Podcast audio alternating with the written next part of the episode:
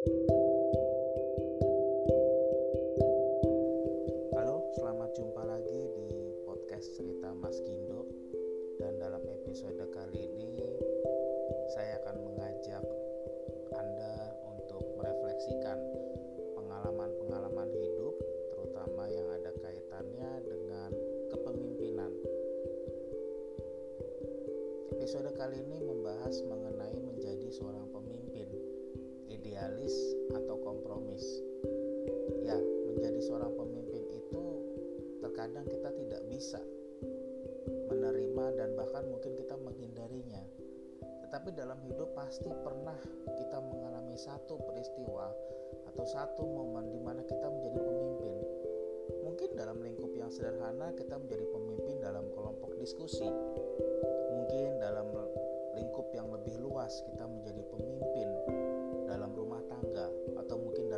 organisasi semua orang memiliki bagiannya masing-masing, betul, tetapi menjadi pemimpin adalah sebuah keistimewaan.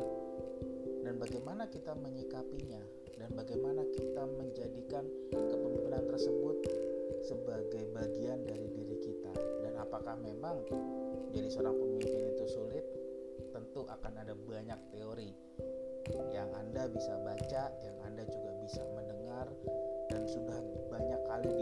dalam latihan-latihan kepemimpinan atau mungkin dari tayangan-tayangan yang berbicara tentang kepemimpinan.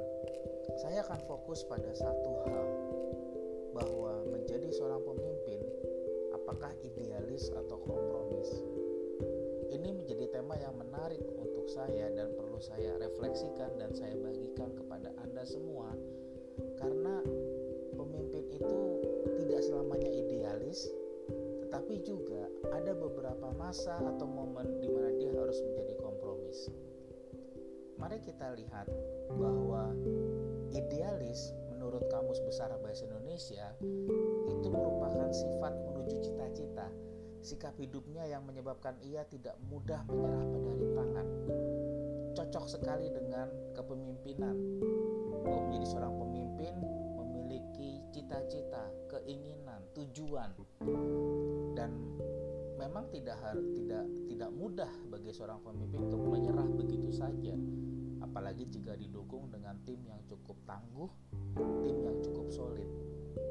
Jadi berdasarkan arti tersebut bahwa seseorang yang idealis pemimpin yang idealis akan berusaha mewujudkan cita-citanya dan tidak mudah menyerah pada rintangan dia akan berusaha untuk mencapai kesempurnaan sesuai yang dicita-citakan atau yang menjadi tujuan atau menjadi visi misi dari organisasi. Menjadi sangat positif apa yang dikatakan atau apa yang menjadi sosok dari pemimpin idealis ini.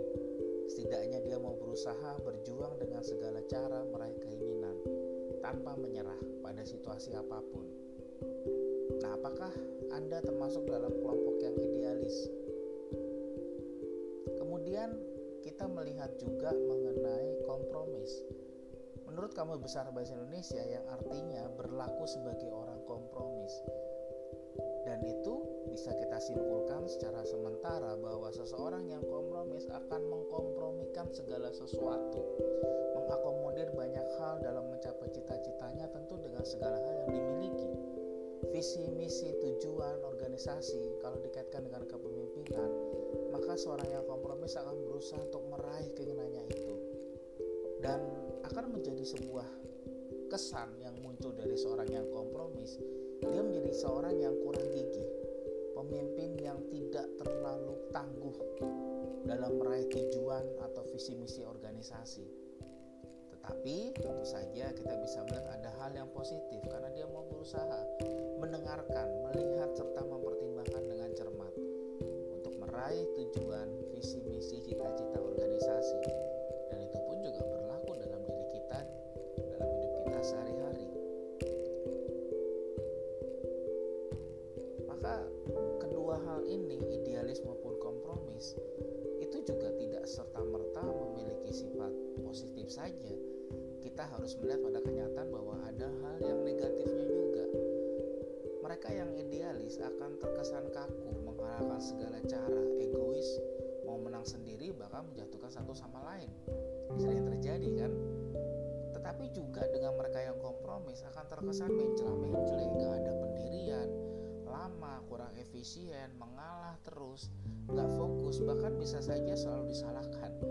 Apakah kita menyadari hal itu apakah kita menemukan pemimpin dengan sifat yang seperti itu? Ya saya bukan seorang ahli psikologi yang bisa mengerti dan memahami watak karakter juga sifat manusia. Tapi saya mencoba merefleksikan dan mengajak kita untuk melihat dua hal tersebut. Di mana berdasarkan pengalaman dua hal tersebut itu sejalan seiring. Di mana kita harus bisa bersikap idealis dan di mana kita harus bisa bersikap kompromis kalau bisa semua yang sudah kita rencanakan dan itu harus sesuai dengan keinginan kita sebisa mungkin semaksimal mungkin sebagai seorang pemimpin memaksimalkan semua apa yang dimiliki sumber daya manusia sumber daya aset yang dia miliki dalam organisasi itu tidak ada yang boleh terlewatkan. Tetapi jika semua hal tersebut nggak bisa dicapai atau mungkin nggak sesuai dengan yang diinginkan oleh organisasi apa yang kita lakukan? Apa kita menjadi marah-marah kecewa menyalahkan pihak lain? Berarti kita akan masuk pula pada sebuah fase yang dinamakan kompromis. Maksudnya bahwa kita sudah merencanakan juga menyiapkan. Saya percaya sebagai seorang pemimpin pasti sudah merencanakan menyiapkan visi misi, tujuan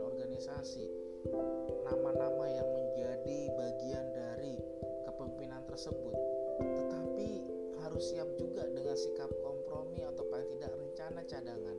Jika ada sesuatu yang memang nggak bisa kita lawan atau yang bisa yang nggak bisa kita hindari dalam mewujudkan keinginan tersebut atau mewujudkan cita-cita tujuan organisasi. Nah, ini kembali lagi kita diajak untuk melihat bahwa yang namanya sikap idealis dan juga kompromis ini tidaklah salah. Di satu sisi kita harus memang bersikap idealis. Tetapi juga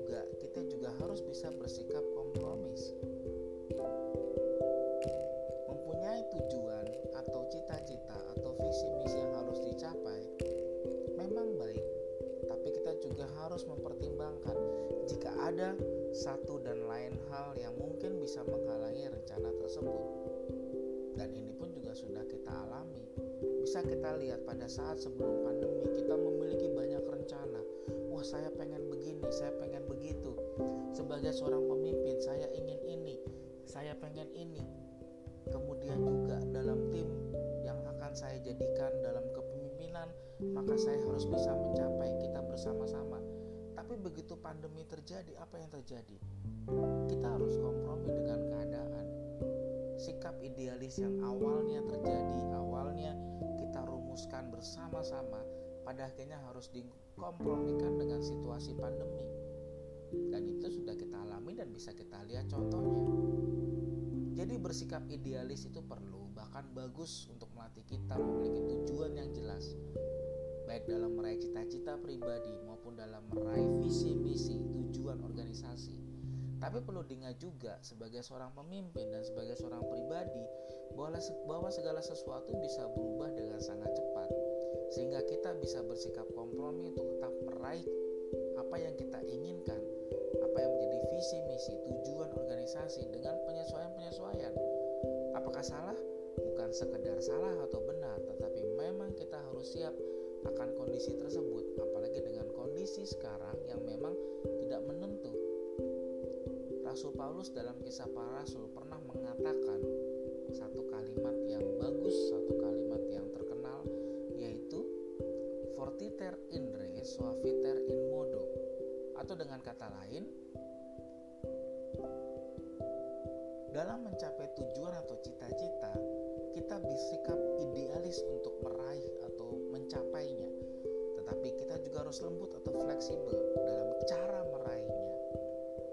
Jadi bahwa kita bisa bersikap idealis memang tapi ada cara-cara yang harus kita kompromikan bersama-sama dengan tim bersama-sama dengan banyak elemen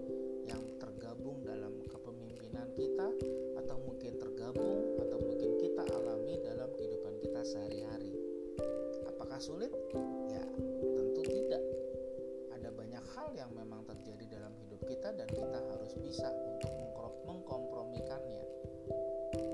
Maka menjadi sebuah gambaran dari diri kita pribadi bahwa bersikap idealis betul, tapi juga ada kompromi yang harus kita lakukan. Teguh dalam prinsip, tetapi luas dalam cara meraihnya. Kita tidak bisa tidak bisa tidak harus selalu bersikap idealis, tapi kadang kita juga harus bisa bersikap kompromis. Dan itu tidak salah, bukan mencari salah atau benarnya, tetapi kita bisa belajar. Dan banyak terjadi, banyak contohnya seperti yang kita alami pada masa sekarang ini bahwa awalnya kita tidak terbiasa dengan belajar online, tiba-tiba harus belajar online. Itu sudah satu contoh kita bersikap kompromi dan kita berhasil melaluinya. Jadi, fortiter in re, suaviter in modo. Jadi seorang pemimpin tegas, kuat, tangguh dalam prinsip untuk meraih tujuan, cita-cita, baik pribadi maupun kelompok, baik pribadi maupun organisasi, tetapi memiliki keluasan, memiliki kompromi dalam